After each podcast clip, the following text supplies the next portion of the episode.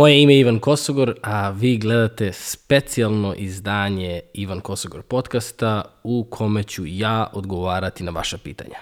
Pre nekoliko dana postavio sam na svom YouTube kanalu i na Instagramu opciju da mi postavite pitanja na koja ću vam ja dati odgovore. Tako da, sada ste vi u ulozi voditelja i nadam se da, da, da će vam se dopasti i ovo je jedan od načina na koji želim da pronađem nove formate ovog podcasta i definitivno će jedan od formata biti i ovaj tip. Krećemo sa pitanjima, prvo ćemo odgovarati na pitanja koja sam dobio na YouTube-u. Serbia 2 Ellen pita da li postoji neka knjiga ili ličnost čije su ti reči postale, odnosno ostale inspiracija. Uh, postoje dve knjige kojima se ja nekako uvek vraćam kada, je, kada me neko pita, a to je knjiga Četiri sporazuma, knjiga koja je apsolutno promenila moj život i knjiga uh, čiji ću link naravno ostaviti u opisu ovog podcasta, da li na YouTube-u ili na bilo kojoj podcast aplikaciji gde nas slušate. To je knjiga zaista koja mm, koja pravi razliku. Knjiga koja je temelj svega onoga što je postalo popularna psihologija i ne, nešto što ako mene pitate bi trebalo da bude obavezna literatura.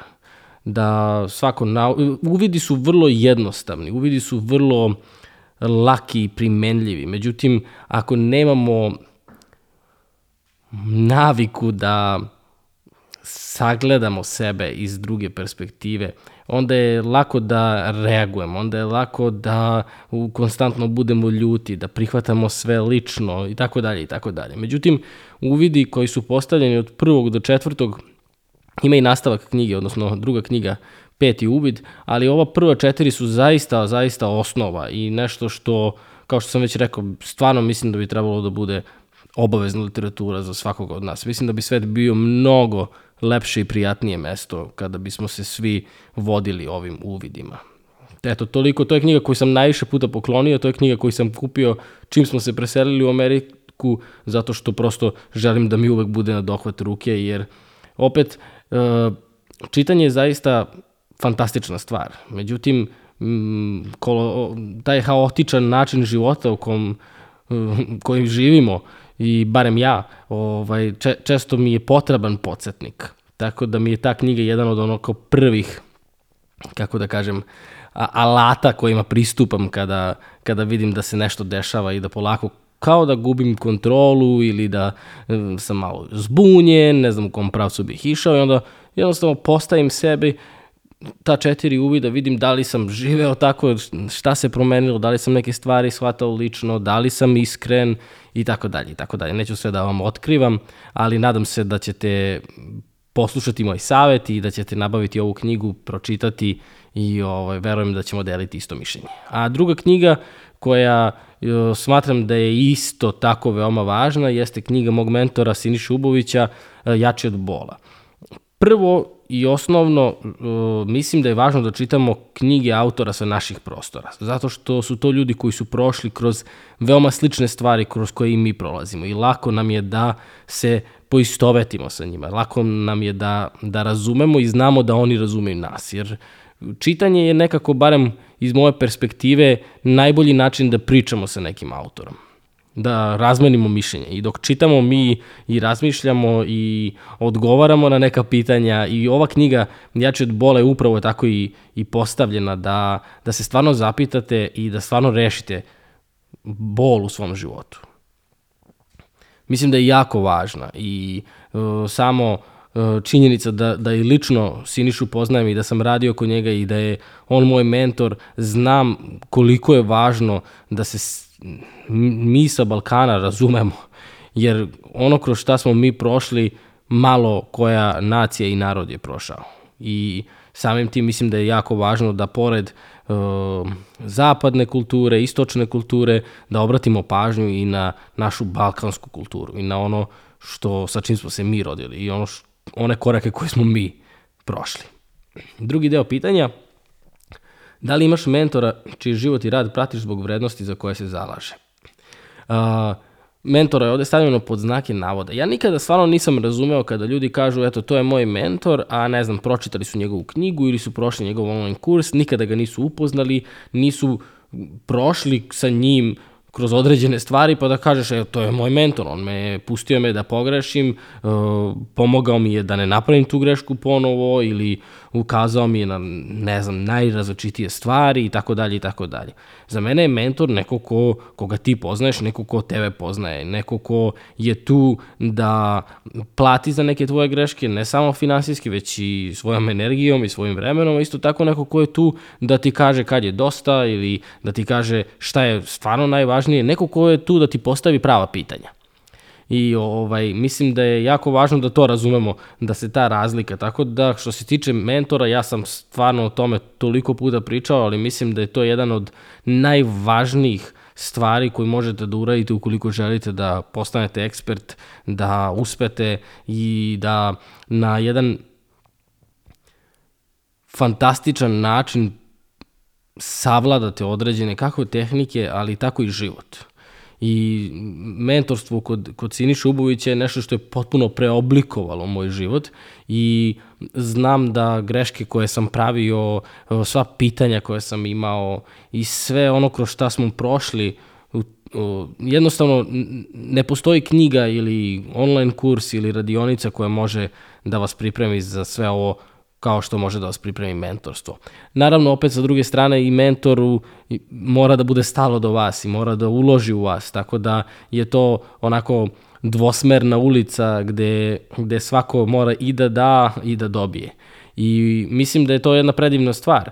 Sećam se da um, Pitanja koje vam postavlja mentor, ajde da to tako kažem, nisu uvek pitanja koje želite da čujete. Međutim, kada bi vam ista ta pitanja postavio roditelj ili prijatelj ili brat, možda biste i zauzeli taj, taj neki defanzivni stav, taj neki odbrambeni mehanizam bi proradio u vama, jer biste se osjećali napadnuto.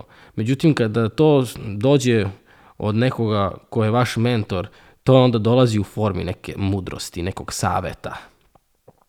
Ja se sećam kada sam ovaj, počinjao da radim podcast, tek sam tada počeo da primećujem zapravo koliko sam ja naučio svih tih godina radeći kod Siniše.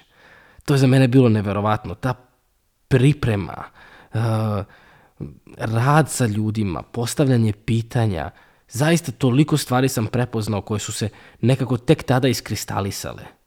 Tako da mislim da je stvarno mentorstvo jedan od najboljih i jedna od najboljih investicija koje možete da uložite kada, u pitanju, kada ste uvi u pitanju. I savet za nekoga ko traži mentora, često me to ljudi pitaju kako da pronađem mentora, ja hoćeš ti da budeš moj mentor. Ja nisam materijal za mentora u ovom trenutku, ja imam 27 godina i veliki put je predamno. Međutim, ako želite da pronađete mentora, ponudite bilo koju uslugu koju smatrate da možete da pružite u ovom trenutku nekome od koga želite da učite. Ja kada sam prvi put otišao na razgovor sa Sinišom, sećam se, ja sam rekao, ja mogu da vas vozim na radionice i seminare kad držite po Srbiji, da budem tu na radionicama, prodavaću karte, prenosit ću knjige, sve, sve, apsolutno sve ću da radim, samo da budem tu, da budem na radionicama, da, da gledam šta radite, da, da upijam, da učim. I tako je i bilo, i od, ne znam, vozača do odgovaranja na mailove, do rada u kancelariji, do asistenta na radionicama i tako dalje i tako dalje. Moj put je zaista bio stepenik po stepenik. I Mislim da je, isto me tako isto često pitaju kao da li ti je mentorstvo pomoglo da preskočiš neke stepenike i tu se upravo nalazi ona najveća razlika jer mi želimo da preskočimo što više stepenika možemo u datom trenutku. Međutim, e, mentor ti ne dozvoljava da preskočiš te stepenike. I sećam se recimo, objavio sam drugu knjigu i Siniša je otvorio i počeo da čita i kaže šta ti znači ova rečenica? Što si ovu rečenicu ovde napisao? Zašto si ovo ovde rekao? I ta neka pitanja koja su meni budila u tom trenutku ljutnju, kao zašto me preispituju, da, ja danas razumem zašto. I znam u kom pravcu je išao. I zašto mu je bilo važno da ja razumem šta sam uradio u tom trenutku. Tako da mislim stvarno, eto, mentorstvo je nešto što je moj naj, naj, naj, najveći savet i nešto što je meni toliko promenilo život da prosto mislim da moja zahvalnost svakog dana je sve veća i veća. I to vidim ne samo u, u mom podcastu i u mojoj karijeri, već u mojim odnosima sa, sa mojom porodicom, sa mojom suprugom. Zaista toliko toga može da se nauči ukoliko neko želi da vam da dovoljno svog vremena, pažnje, e, ljubavi, podrške i svega i da vas iznese na pravi put. Naravno, opet ne mogu da kažem da e, ljudi bez mentora neće uspeti. Sad ovde ne pričamo o podršci prijatelja, roditelja i porodice, ovde pričamo o nečemu o što je zapravo, ako je neko već prošao tim putem kojim vi želite da krenete, tu se krije velika mudrost, ukoliko je taj neko spreman da podeli na pravi način. Niti da vas ugrozi, niti da vas previše zaštiti, a opet da vam pomogne da pronađete svoj put. Mislim da je to ključ. Idemo na naredno pitanje.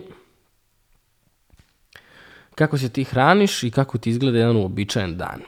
A, što se tiče ishrane, mi smo zaista imali toliko podcasta o ishrani, da sam ja toliko stvari naučio, međutim, ja se hranim umereno, ja volim sve da jedem, isprobavao sam najrazličitije tehnike, tehnike, isprobao sam najrazličitije dijete i kada kažem dijete, mislim načine ishrane, ne znam, mršavljanje, meni je jako teško da se ugojim.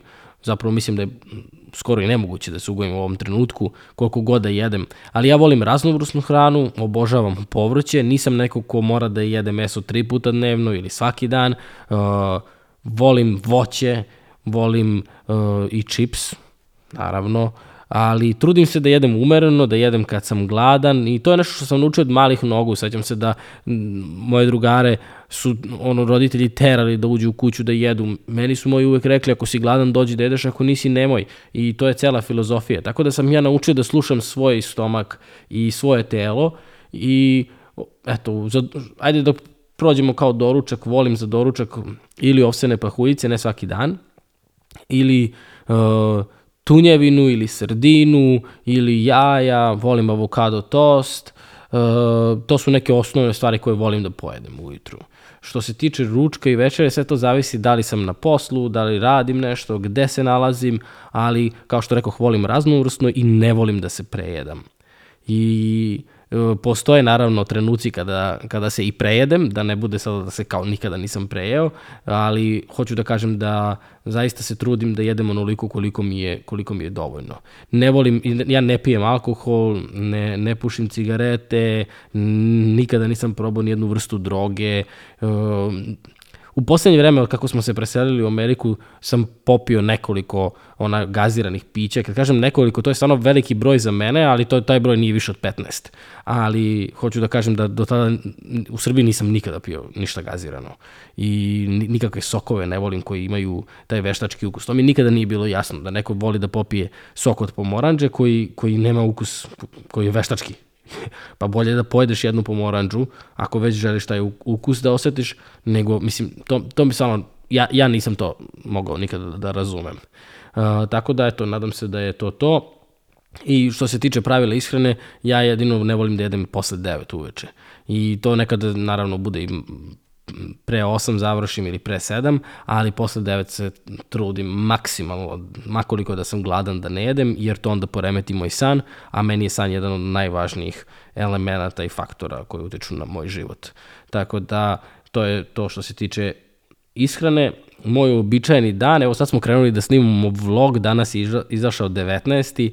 E, moj običajni dan izgleda da se probudim, odem, uh, doručkujem, odem u teretanu i onda radim na projektu na kom je potrebno da se radi, da li je to u pitanju podcast, da li je to sad u ovom, u ovom slučaju vlog ili da li je to moj posao ovde kada smo se vratili, kada smo se preselili u Ameriku, vratio sam se konobarisanju, to je nešto što sam mislio da nikada više neću raditi u životu, jer od svoje 14. godine sam konobarisao do skoro uh, kraja fakulteta i uh, to je jedan od možda isto tako uh, najboljih poslova za mlade ukoliko želite da razvijete komunikaciju, prilazak nepoznatim osobama, uh, humor i prosto možete stvarno dosta toga da naučite, tako da kada smo se preselili ovde, s obzirom na tu veliku razliku u standardu i ovde je prosto nemoguće da živite, a da uh, ne radite.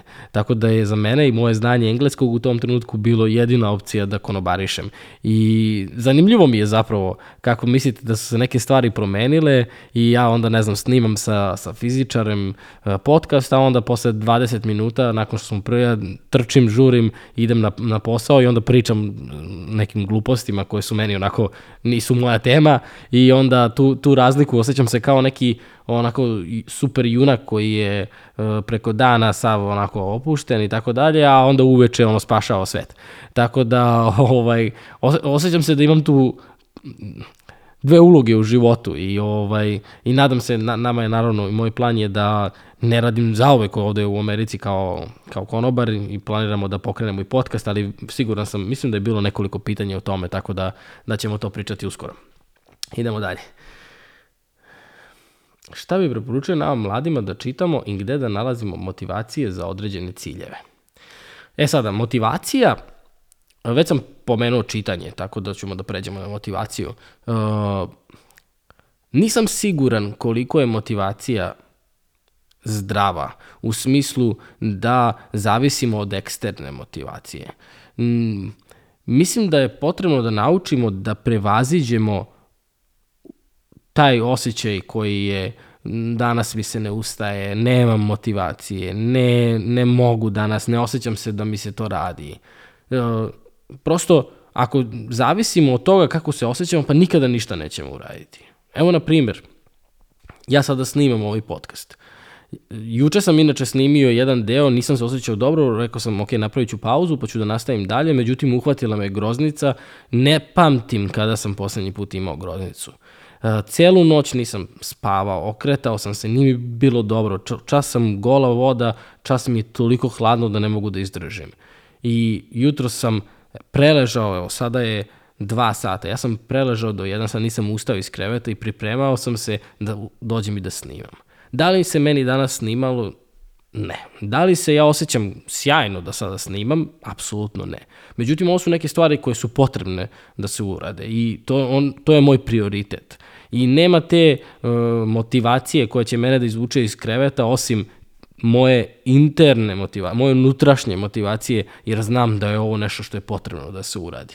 I ja ne gledam motivacijone vide na YouTube-u, niti čitam knjige da bi me nešto pokrenulo. Čitam knjige da bih pronašao neku ideju ili da bih proširio svoju sliku. Međutim, iako nešto može da nas pokrene na da kažem kratkoročno, bilo koji taj video ili neka priča ili možda neki film ili neka serija, mnogo je opasno ako zavisimo od toga, jer onda ćemo konstantno biti van kontrole.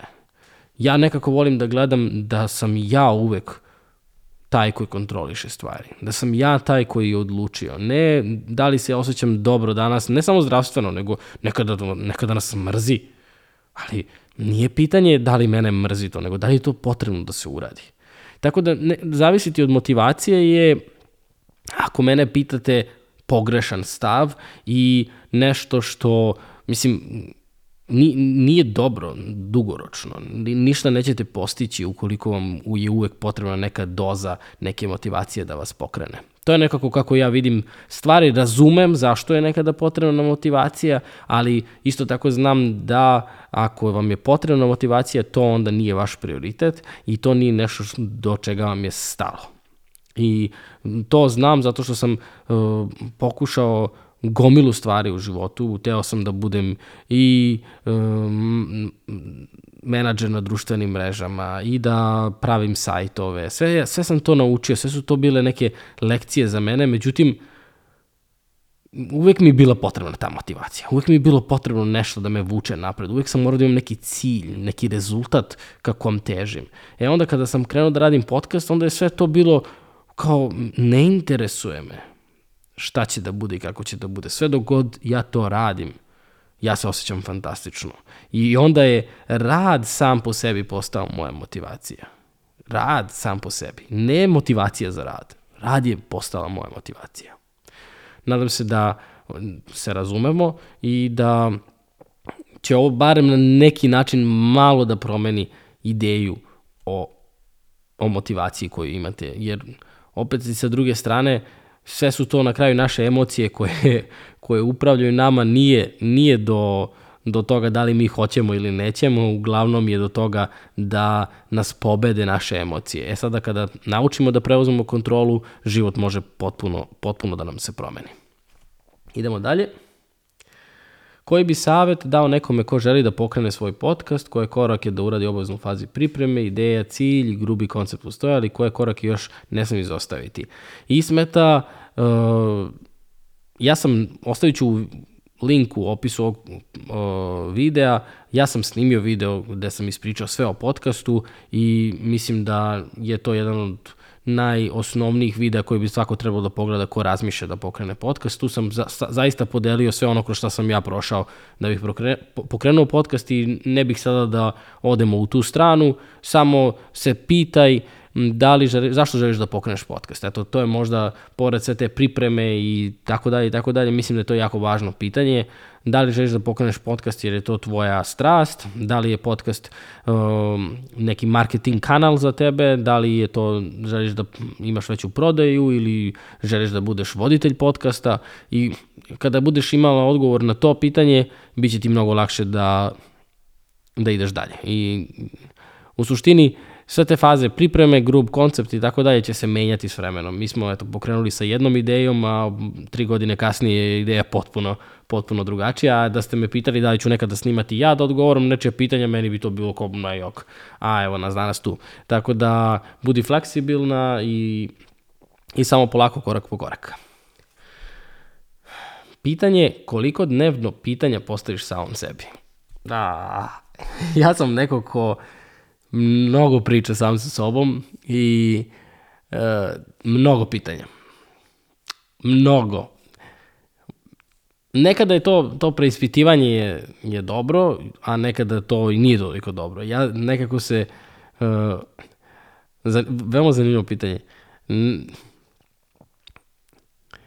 naučio sam da preispitujem velike stvari, da ne donosim on nagle odluke. Postoji u našem narodu tri put meri jednom seci, ja šest puta merim.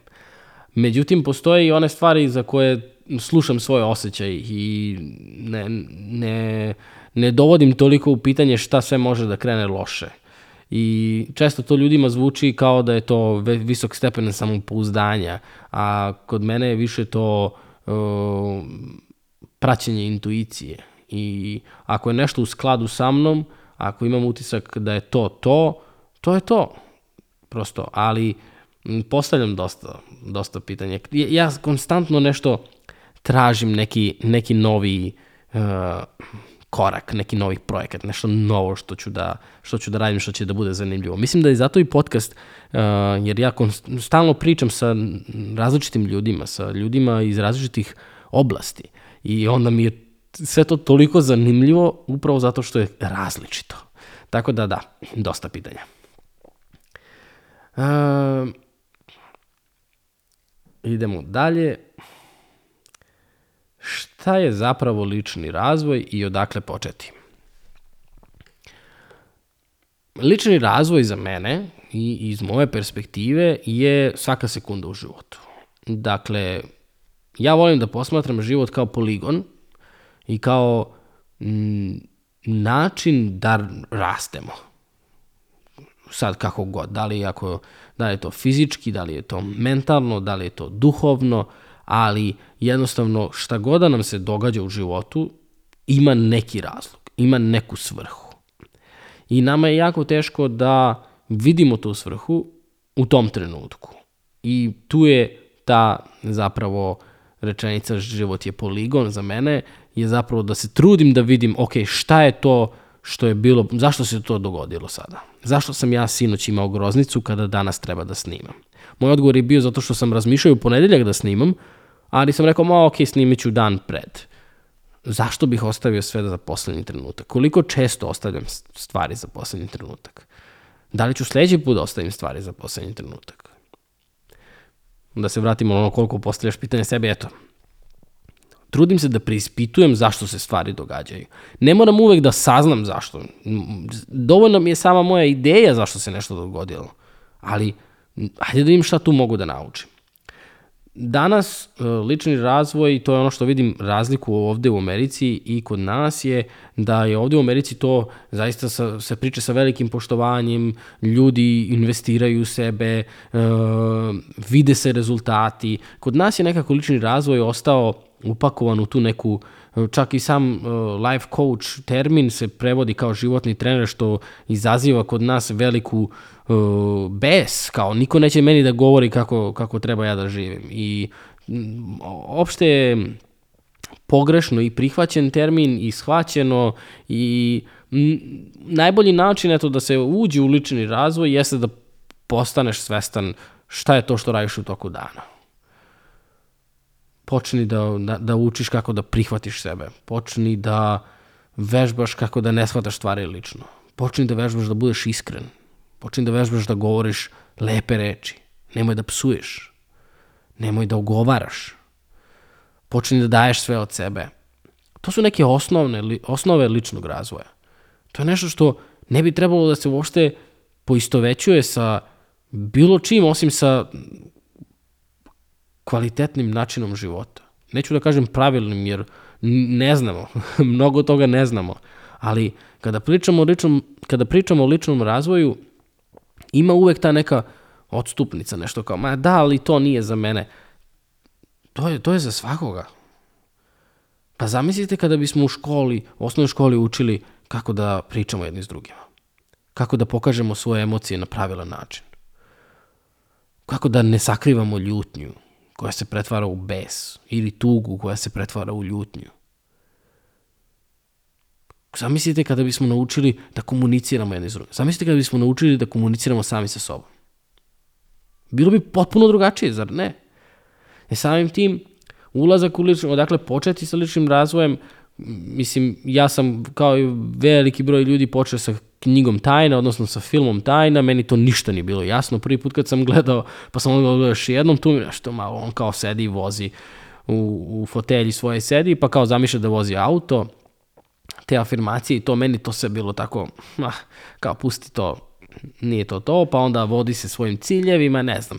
Sve mi tako nekako bilo mlitavo. Međutim, to je samo jedna onako površina. Taj film nije otišao u dubinu, verovatno nije bio cilj, ali bilo je dovoljno da mi ukaže da postoji nešto više od onoga što sam do tog trenutka znao. I to je, to je, to je velika prekretnica. Da ti samo neko pokaže pravac je, je fantastično. Tako da možda početi od neke, eto, ja sam dao tu knjigu četiri sporazuma, to je stvarno najbolji način da započnete da radite na sebi. Jovana pita u kojoj meri su ovi podcasti preoblikovali tvoje navike, uverenje i život. Meni je podcast apsolutno promenio život. Od uh, toga da sam zapravo uh, bio zaglavljen nekako i nisam, ja nisam video svetlo na kraju tunela. Ne kažem da sam ja sad bio nešto depresivan ili tako dalje, ali jednostavno nije mi bilo jasno čime ću se ja baviti i šta ću da radim. I onda kada je krenuo podcast, sa svakom novom epizodom sam ja želeo još čvršće i jače da radim i da snimam i da upoznajem nove ljude. A, što se tiče samih intervjua, eto ne znam ako skoro pratite podcast ili ako ste već neko vreme tu, sigurno ste gledali 30, 40, 50% epizoda. Ja sam gledao svih 150 jer sam bio tu. ovaj, tako da stvari koje sam naučio su preoblikovale moj život, i moje, moj pogled na svet i mm, ne postoji nešto sa čim bih mogao da uporedim i da kažem, e, ne, mislim, ne, ne znam čak ni da li bih se bavio nečim drugim osim, osim podcastom. I sada sve ovo što sam pričao, da, ne znam, da sam krenuo vlog, da sam krenuo da, da konobarišem, to su sve stanice, to je sve usputno. Ali ono što je krajni cilj, ono što je na, na čemu najviše radim jeste podcast. I mislim da treba biti fleksibilan u životu kada se dogode stvari koje ne planirate, e, potrebno je samo da, da ostanemo fokusirani na ono što nam je najvažnije, a da se snalazimo dok to ne postane naša realnost. Eto, tako, tako da ja i, i zaista želim da svojim primerom vas inspirišem, da čak i ako sada radite neki posao koji ne volite, pa barem budite zahvalni da imate neki finansijski, uh, neku podršku, da zarađujete neki novac. Ja, ja uvek sad kažem, kada idem na posao, nekada mi se ne ide ili o, kao sad pričat ćemo o tim nekim stvarima. I onda samo kažem sebi, pa čekaj bre, zamisli da, da ne zarađuješ sada, da nemaš platu. Bilo bi baš teško. Hajde da, hajde da budem zahvalan što imam platu i što radim na svojim snovima i što će jednog dana to sve da bude simpatično, smešno i možda nekom inspirativno. Meni u ovom trenutku inspirativno. Ja nisam znao da mogu da... Za mene je to bilo odlazak ono tri koraka unazad. Međutim, sada je to za mene, tako sam raširio svoju perspektivu, pa ne, ja ne znam šta je sada nemoguće za mene. Tako se osjećam. Tako da, definitivno mi podcast mnogo, mnogo promenio život i mnogo sam naučio od svakoga koga sam, koga sam upoznao i sa kim sam pričao. To uvek, uh, uvek postoji ta neka ja uvek imam neko to očekivanje šta će da bude od razgovora i od, ne znam, 100 razgovora, 100 ode u nekom drugom pravcu kojem ja nisam očekivao, što je i normalno. Međutim, uh, stvari koje naučim su tako mm, pokretački i neverovatne. Kao što sam rekao, ta raznolikost je nešto što, što mene vuče i što, što mi daje, što je moj izvor motivacije, upravo taj rad. Um, idemo dalje, Daniela. Uh, Daniela, puno da te pozdravim. Daniela je od samog starta sa nama i ovaj, hvala ti puno na tvojoj podršci, na svim porukama svih ovih godina. Hvala ti puno, stvarno. Pitaš kako se snalazimo u Americi. Uh, pa, zanimljiva je Amerika. Ja imam taj neki, ako bih jedan dar rekao ili talenat koji ja imam jeste da je meni zabavno gde god da se nalazim i ja ću uvek da pronađem način da se nasmejem, da se našalim, da, da mi bude zabavno. Tako da mi je trenutno jako zabavno i zanimljivo u Americi. Sve je potpuno drugačije od uh, onoga na što sam ja navikao. Ovo nije moj prvi put u Americi, ali Amerika potpuno uh, promenjena u poslednjih par godina i to je ono što je Jema komentarisala kada se vratila, pošto smo tri godine živela u Srbiji, došla je ovde i rekla je ovo kao potpuno drugačija zemlja. Tako da dopada mi se to što mi je plaža na nekih 20 minuta od kuće, da mogu da vozim skate, da mogu da uživam. Još uvek se nisam navikao da su palme tu, a da ja nisam na odmoru, jer obično su palme tu kad sam na odmoru, tako da ali zanimljivo je, definitivno je zanimljivo. Amerika je i sa jedne strane surova, eh, a sa druge strane pruža mnogo, možete da uradite apsolutno sve što želite, međutim opet morate da radite mnogo, mnogo, mnogo. I to je nešto što ja nisam razumeo dok se nisam preselio ovde. Toliko je sve skupo i toliko je sve tu, a opet nije tu ako, ako ne radiš. I mislim da je to onako mm, jedan zanimljiv koncept na koji su oni pristali, ali opet kad bih uporedio sa Srbijom, mi smo pristali na mnogo manje, a sa, sa istom mukom. Ovaj, tako da ono što je nama minimalac je, to je minimalac za egzistenciju, a ovde je minimalac sasvim, sasvim korektan život. Nešto što bismo mi verovatno smatrali luksuzom. Ovaj, I to je nešto što je za mene onako potpuno, potpuno neverovatno. Međutim, opet, uh, toliko je različitih ljudi ovde i vidim da su mladi isto kao i kod nas uh, uhvaćeni u tu neku zamku iz koje ne vide izlaz. Tako da zanimljivo je. Zanimljivo je, zanimljivo je definitivno, mislim da može mnogo toga da se, da se nauči ovde i kao što sam već rekao ovde na početku, ja imam tek 27 godina, ovaj, ovo je definitivno jedno fantastično, fantastično iskustvo. Koju si školu završio? Završio sam srednju ekonomsku i onda sam završio bankarstvo i imam master iz bankarstva. Ali nisam nikad radio u banci. Niti planiram. Zato ako želite da me sprečite da radim u banci, prijavite se na ovaj YouTube kanal, ok? Da bih mogao da ostane. šta, ti čit, šta ti čitaš i šta misliš o Kristijanu Ronaldu i njegove radnoj etici? O knjigama smo pričali. E, opet, ja sam sada spomenuo dve knjige, Jači od bola i četiri sporazuma. Međutim, postoji stvarno veliki broj knjiga koji bih mogao da vam preporučim sada. Da li je to Jordan Peterson, da li je to, e, ne znam, Deep Work ili prosto postoji veliki broj knjiga. Ono što se dešava kada samo čitate, a ništa ne primenjujete, knjige postanu da liče jedna na drugu i počinju da se onako iz, iz, izžvakane su, jednostavno, da tako kažem. I ne znam, Antoni de Melo je, na primjer, neko ko je ostavio veliki utisak na mene. Uh, ima, ima, ima i dalje tih knjiga koje su osnove, ali većina knjiga danas meni lično su veoma slične, sa nekom sličnom idejom. Tako da čitanje bez neke bez nekog rada je malte ne besmisleno. Tako da ako čitate, počnite da primenjujete. I ono što mi se sviđa u četiri uvida jeste što je toliko primenljiva. Već odmah, nakon prvog čitanja, inače knjiga mora da se pročita nekoliko puta, ali nakon prvog čitanja već taj dan možete da, da počnete da primenjujete i da vidite o čemu se radi. Što se tiče Kristijana Ronalda, po, potpuno je, ne znam, meni je to i suvišno pričati, to je jedan od najvećih, što se mene tiče, radnika u istoriji. I ovaj, ja sam fasciniran šta je taj čovjek postigao i šta postiže i dalje. I ne znam, nekako... Mm, gleda, jutro sam gledao dokumentarac 14 vrhova, ima ga na Netflixu i čovek koji je odlučio da se popne na 14 najvećih vrhova na svetu za 7 meseci. Inače, to je urađeno najbrže za 7 godina, a on je odlučio za 7 meseci. I tačno vidite kako on pomera granice, šta ste vi mislili da možete da uradite. I onda kad pogledate njega ili kad pogledate Cristiano Ronaldo i onda shvatite pa čekaj, ja mogu mnogo više. To je možda ta neka eksterna motivacija o kojoj smo pričali, gde stvarno može da se zapitaš da li si ti dao sve od sebe danas. I, i tu, tu onda pravimo razliku. Idemo dalje. Pitanje šta misliš o stanju u Srbiji, kako ekonomskog, tako i duševnog. Onda sam ja pitao duševnog ili društvenog, kažu i duševnog i društvenog. Uh, ja nemam odgovor na ovo pitanje, zato što ja ne smatram sebe relevantnom osobom da komentariše ekonomsko stanje uh, našeg društva, a kamoli društvenog ili duševnog.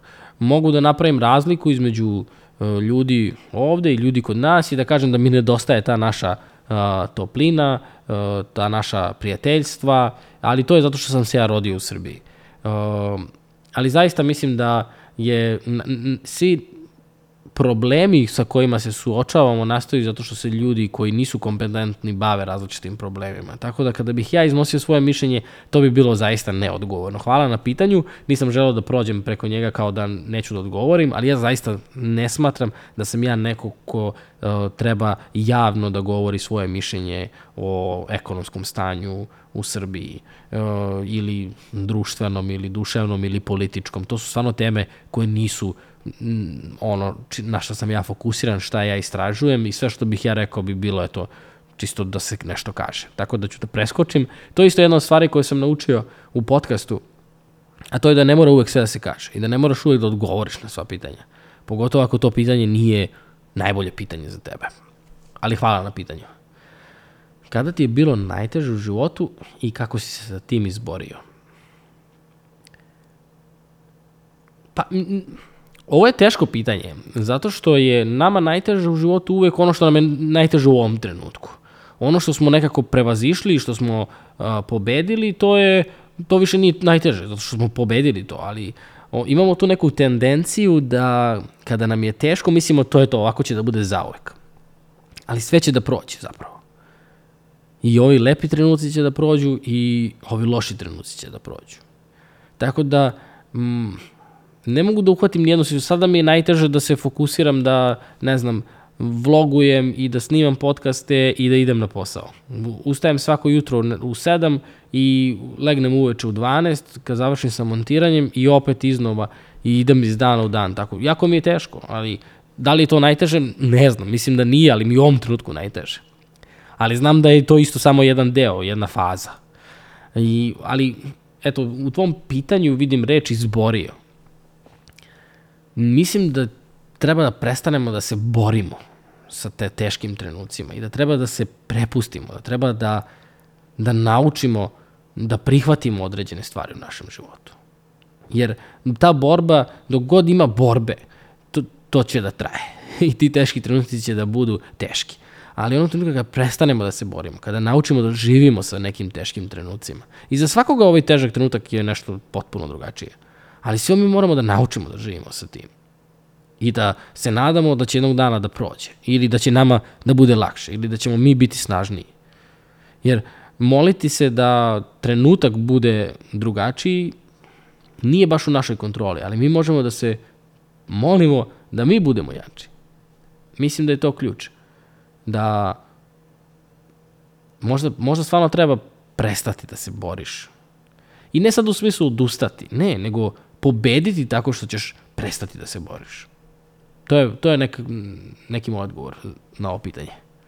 Idemo dalje.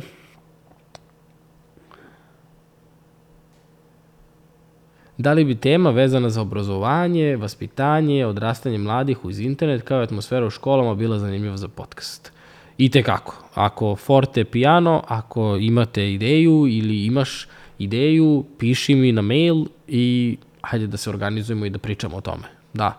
Ja volim da pričam o stvarima koje su vezane za mlade. I ovaj, mislim da je prostor za takve stvari veoma bitan da se da u medijima, a kako smo mi sada nezavisni, nezavisni mediji, nekako je na nama odgovornost da, da to radimo. Ok, prelazimo na pitanja na Instagramu. Sad ćemo da vidimo gde su oni.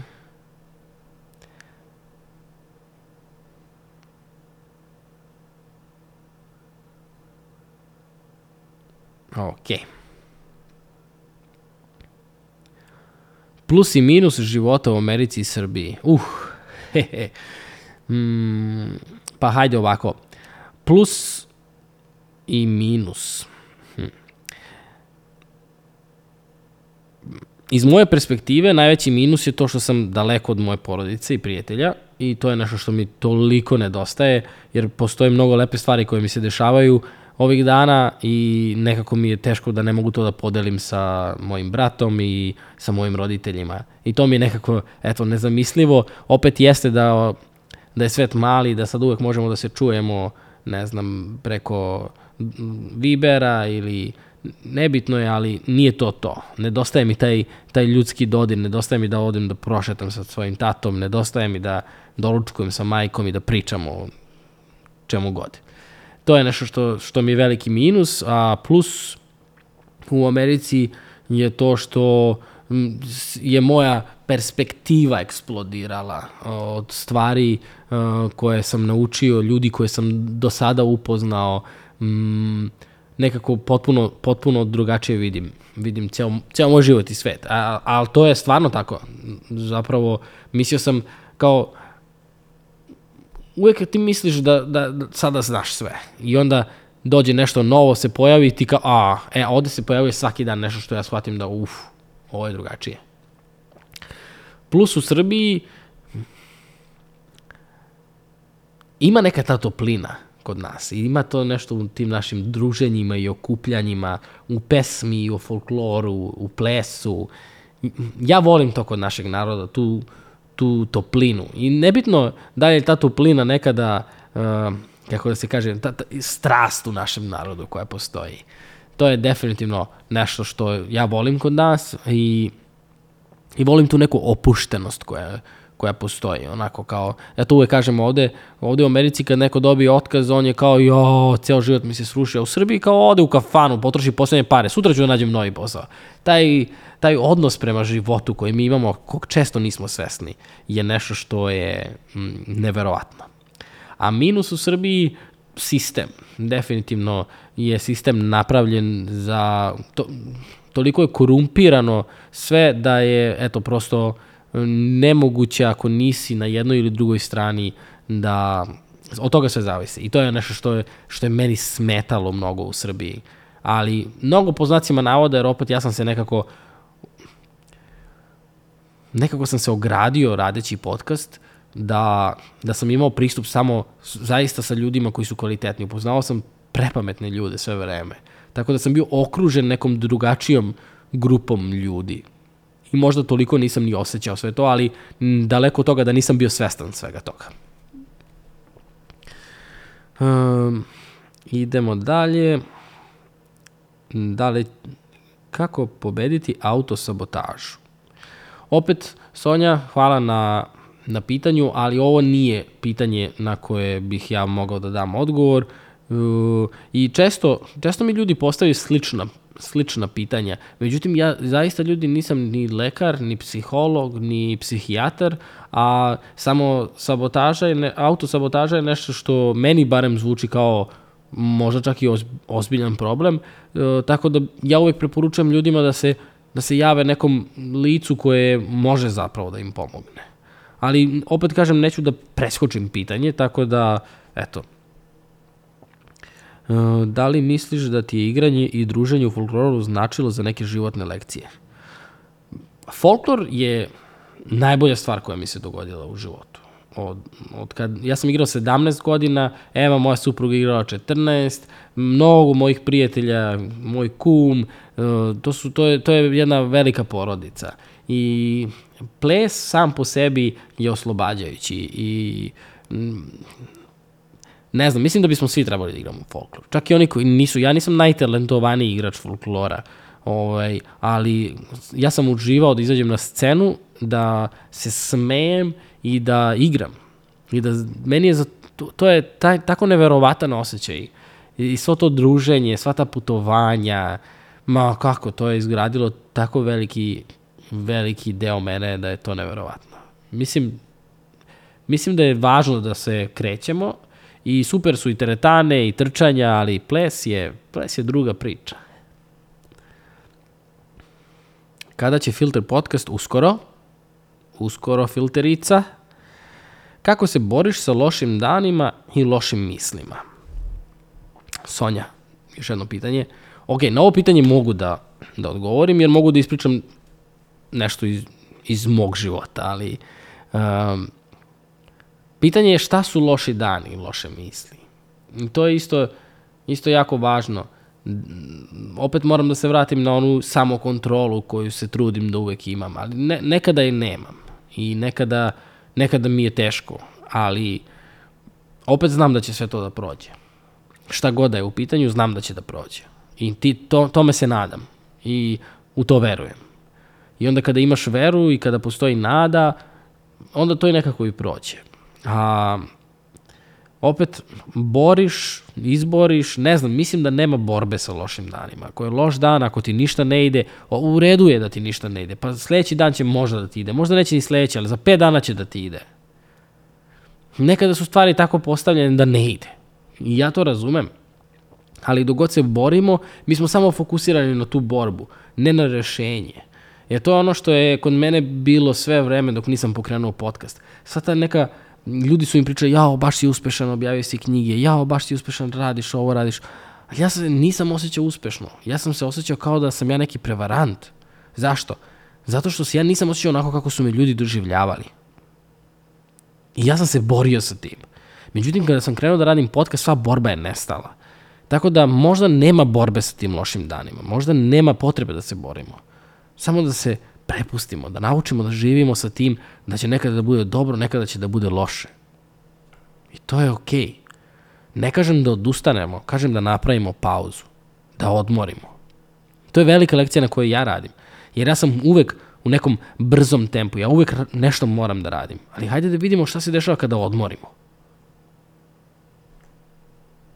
Eto, to je možda sa tim lošim danima. Možda ne treba da se borimo, a sa lošim mislima, treba da naučimo da prihvatimo opet loše misli. Šta je loša misao?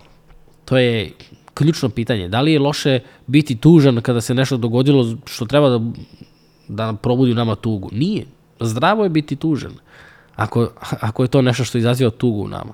Zdravo je biti ljut, ali ne agresivno ljut. Ali zdravo je biti koliko god da je zdravo da se smejemo, zdravo je da plačemo. Tako da loše misli treba čuti ne treba ih baciti u stranu. Ne treba ih zanemariti. Loše misli treba, treba razumeti. I biti svestan njih, kao što smo svesni i dobrih misli. Ajde da vidimo šta, je, šta bi bila loša misao. Da li je možda loša misao jutros kad sam ležao i razmišljao, jo, da li ću moći da snimim ovaj podcast danas. To je možda loša misao. Ja sumnjam u sebe. Ali ne mogu da se bavim time ceo dan, jer onda će mi propasti ceo dan, izgubit ću priliku da snimim ovo. Ali treba čuti tu misao. Šta mogu da uradim da ovo prođe glatko i da, da ja budem fokusiran, da kažem sve što želim da kažem. Ajde vidim u kom pracu to može da krene. Tako da, eto, to su za loše misli i loše dane.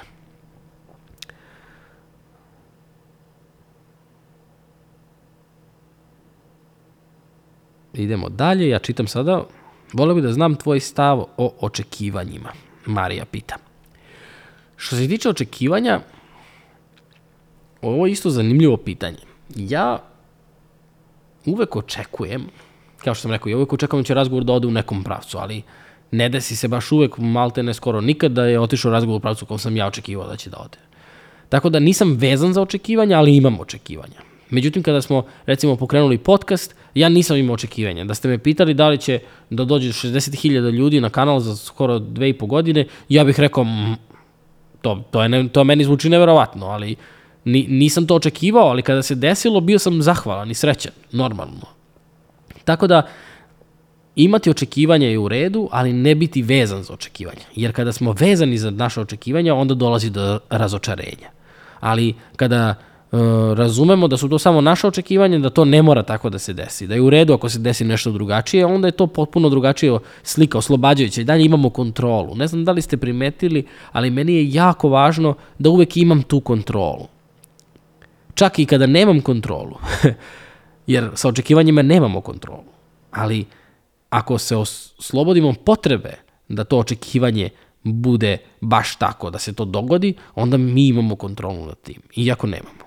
Malo sam možda sad isfilozofirao, ali iskreno evo, koliko skoro nekih 50 minuta pričamo ovde, neke stvari sam verbalizovao iza sebe, evo, nisam razmišljao o, očekivanjima na ovaj način do sada. Tako da hvala na ovom pitanju, stvarno.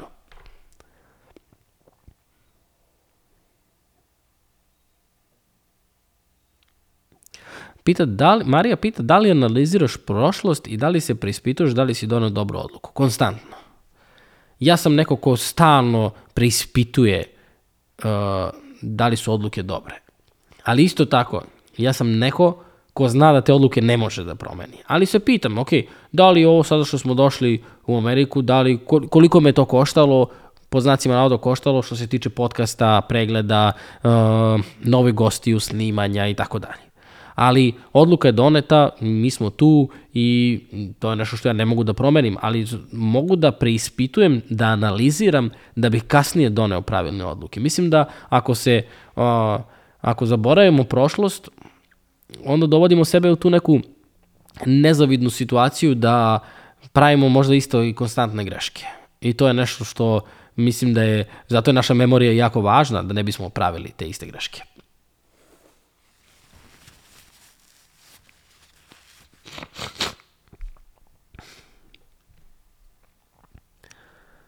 E, Stomakija, moj dragi, pita, kako si, druže moj dobri? Super, hvala ti na pitanju. Uh, ne kažem super ono naše kao balkansko, a super, sve dobro je. Ne, ne, stvarno, toliko se lepih i predivnih stvari dešava u ovom trenutku i nekako živim svoj san, za, zaista. I neke stvari eto, kojima sam maštao i za koje sam se molio danas su tu i samo budite istrajni, samo radite čak i kada niko ne gleda. Nemojte da se, rezultat je važan, ali imati cilj je važno, ali ne samo biti fokusiran na cilj ili samo biti fokusiran na stvari koje su dešle u prošlosti. Živeti u sadašnjem trenutku, uživati u sadašnjem trenutku. To je ključ. I kao što sam već sto puta rekao, eto, neke stvari se dešavaju, nisu najsjajnije, nisu morale da se dogode, ali desile su se. Naučimo da živimo sa tim. Naučimo da idemo dalje. Naučimo da, da ih vidimo ne samo kao lekciju, već kao blagoslov, kao nešto što se nama dogodilo iz nekog razloga, kog možda nismo svesni, a možda i jesmo. Tako da super sam, hvala ti na pitanju.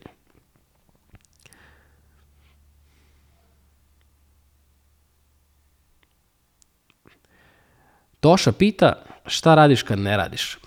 E sada, ja imam ovaj, trenutno izazov u životu, a to je da naučim da ne radim. Jer konstantno Kada, i evo sada isto ovo što mi uhvatilo i groznica sinoć, i to je neki znak da treba malo da usporim, da sam previše ubrzao sve.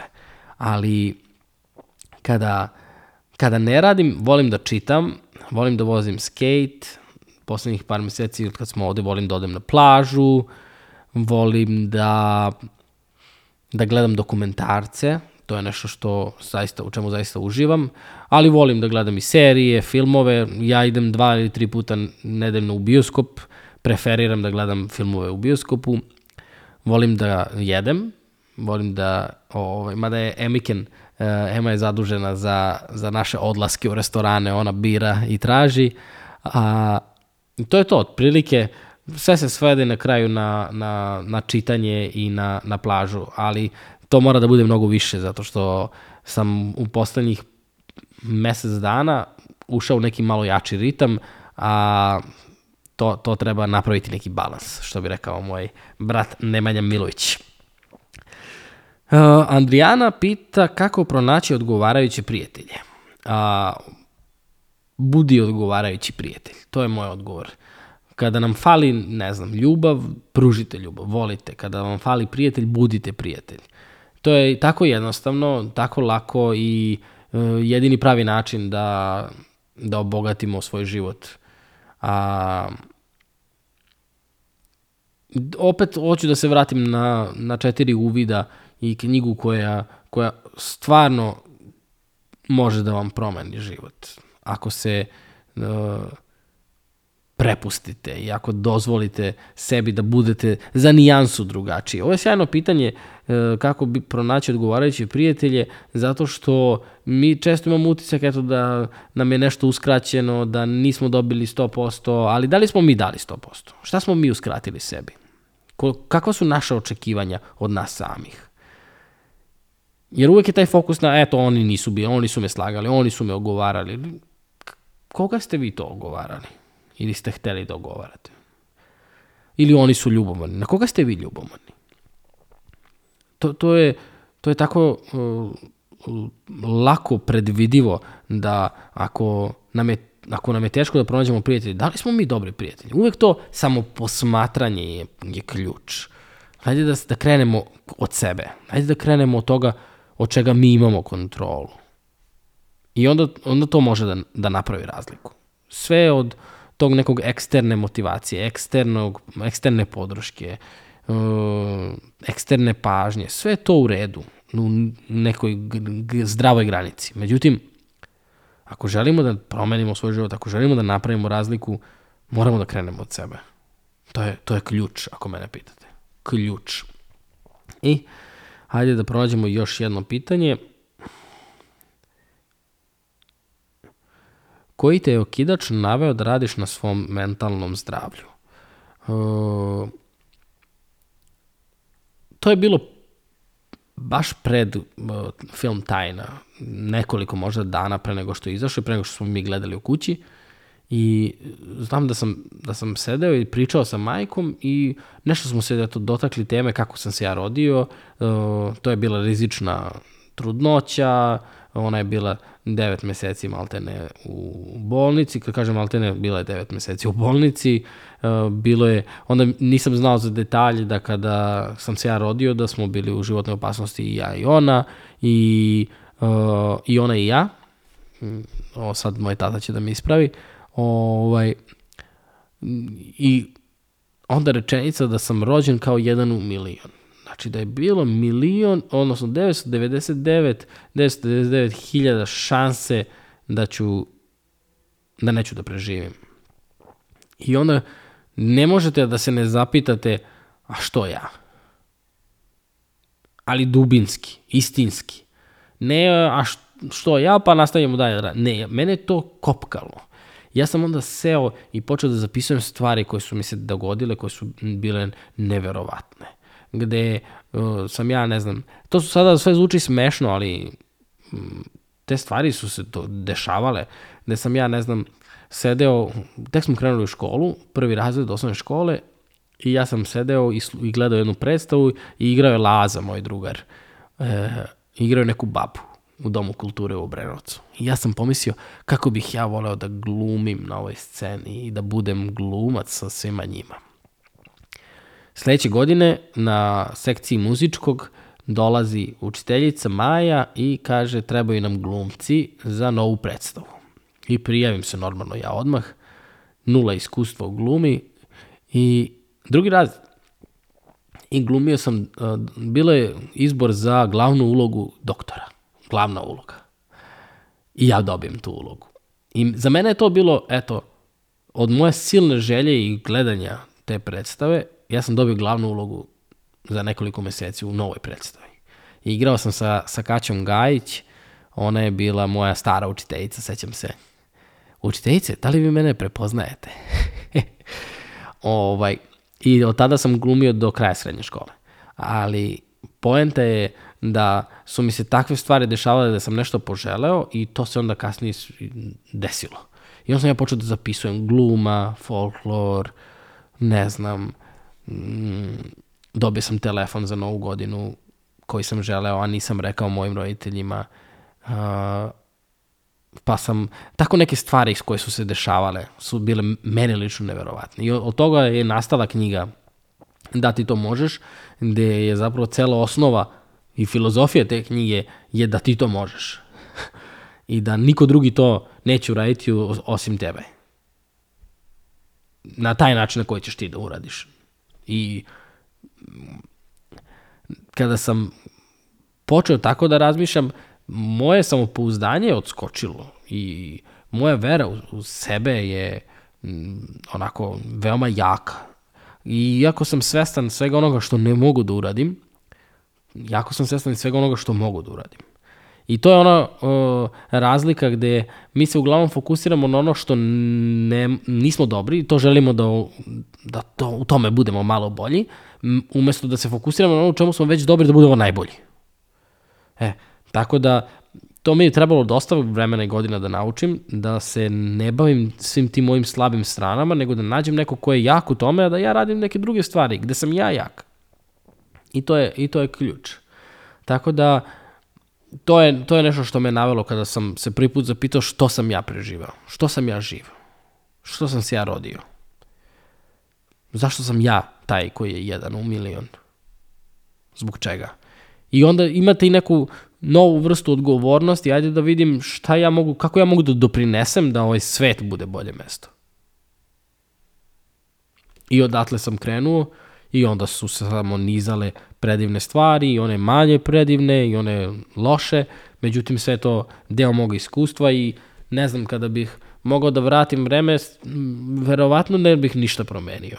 To je uvek onako malo mistično pitanje, ali ne, ja ne bih danas bio ja kada bih bilo šta promenio, tako da bilo bi neodgovorno da kažem da bih bilo šta promenio. I sa ovim završavamo. Eh, hvala vam puno što ste mi postavili sva ova pitanja.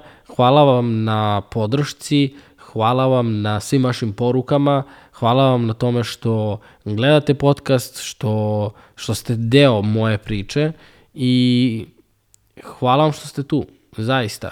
Ovo je, kao što sam rekao na samom početku, jedan novi metod koji ćemo da isprobamo, vidjet ćemo kako će da prođe, ukoliko vam bude zanimljivo, napravit ćemo i anketu u narednom periodu, čisto da vidimo da li vam se dopalo, da li želite da ovo radimo više, jednomesečno, jednom u dva, tri meseca, nije važno i jednostavno da gradimo celu ovu priču i ovaj kanal i ovaj podcast kao jednu vrstu zajednice.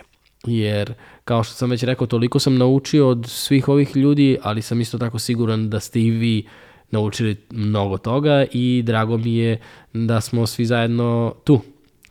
Veliki pozdrav i vidimo se sledećeg, sledeći put, sledećeg petka u 20 časova. I da, ukoliko želite da nas podržite, najbolji način da nas podržite jesu uh, da se prijavite na ovaj YouTube kanal ili na bilo kojoj podcast aplikaciji, da nam ostavljate komentare, a ukoliko želite, tu su i PayPal uh, jednokratne donacije i Patreon gde možete da nas podržite i finansijski kako bismo mogli da nastavimo da investiramo kako u opremu, tako i u sve ovo što, sve ovo što radimo. Hvala vam puno i vidimo se sledeći put. Ćao!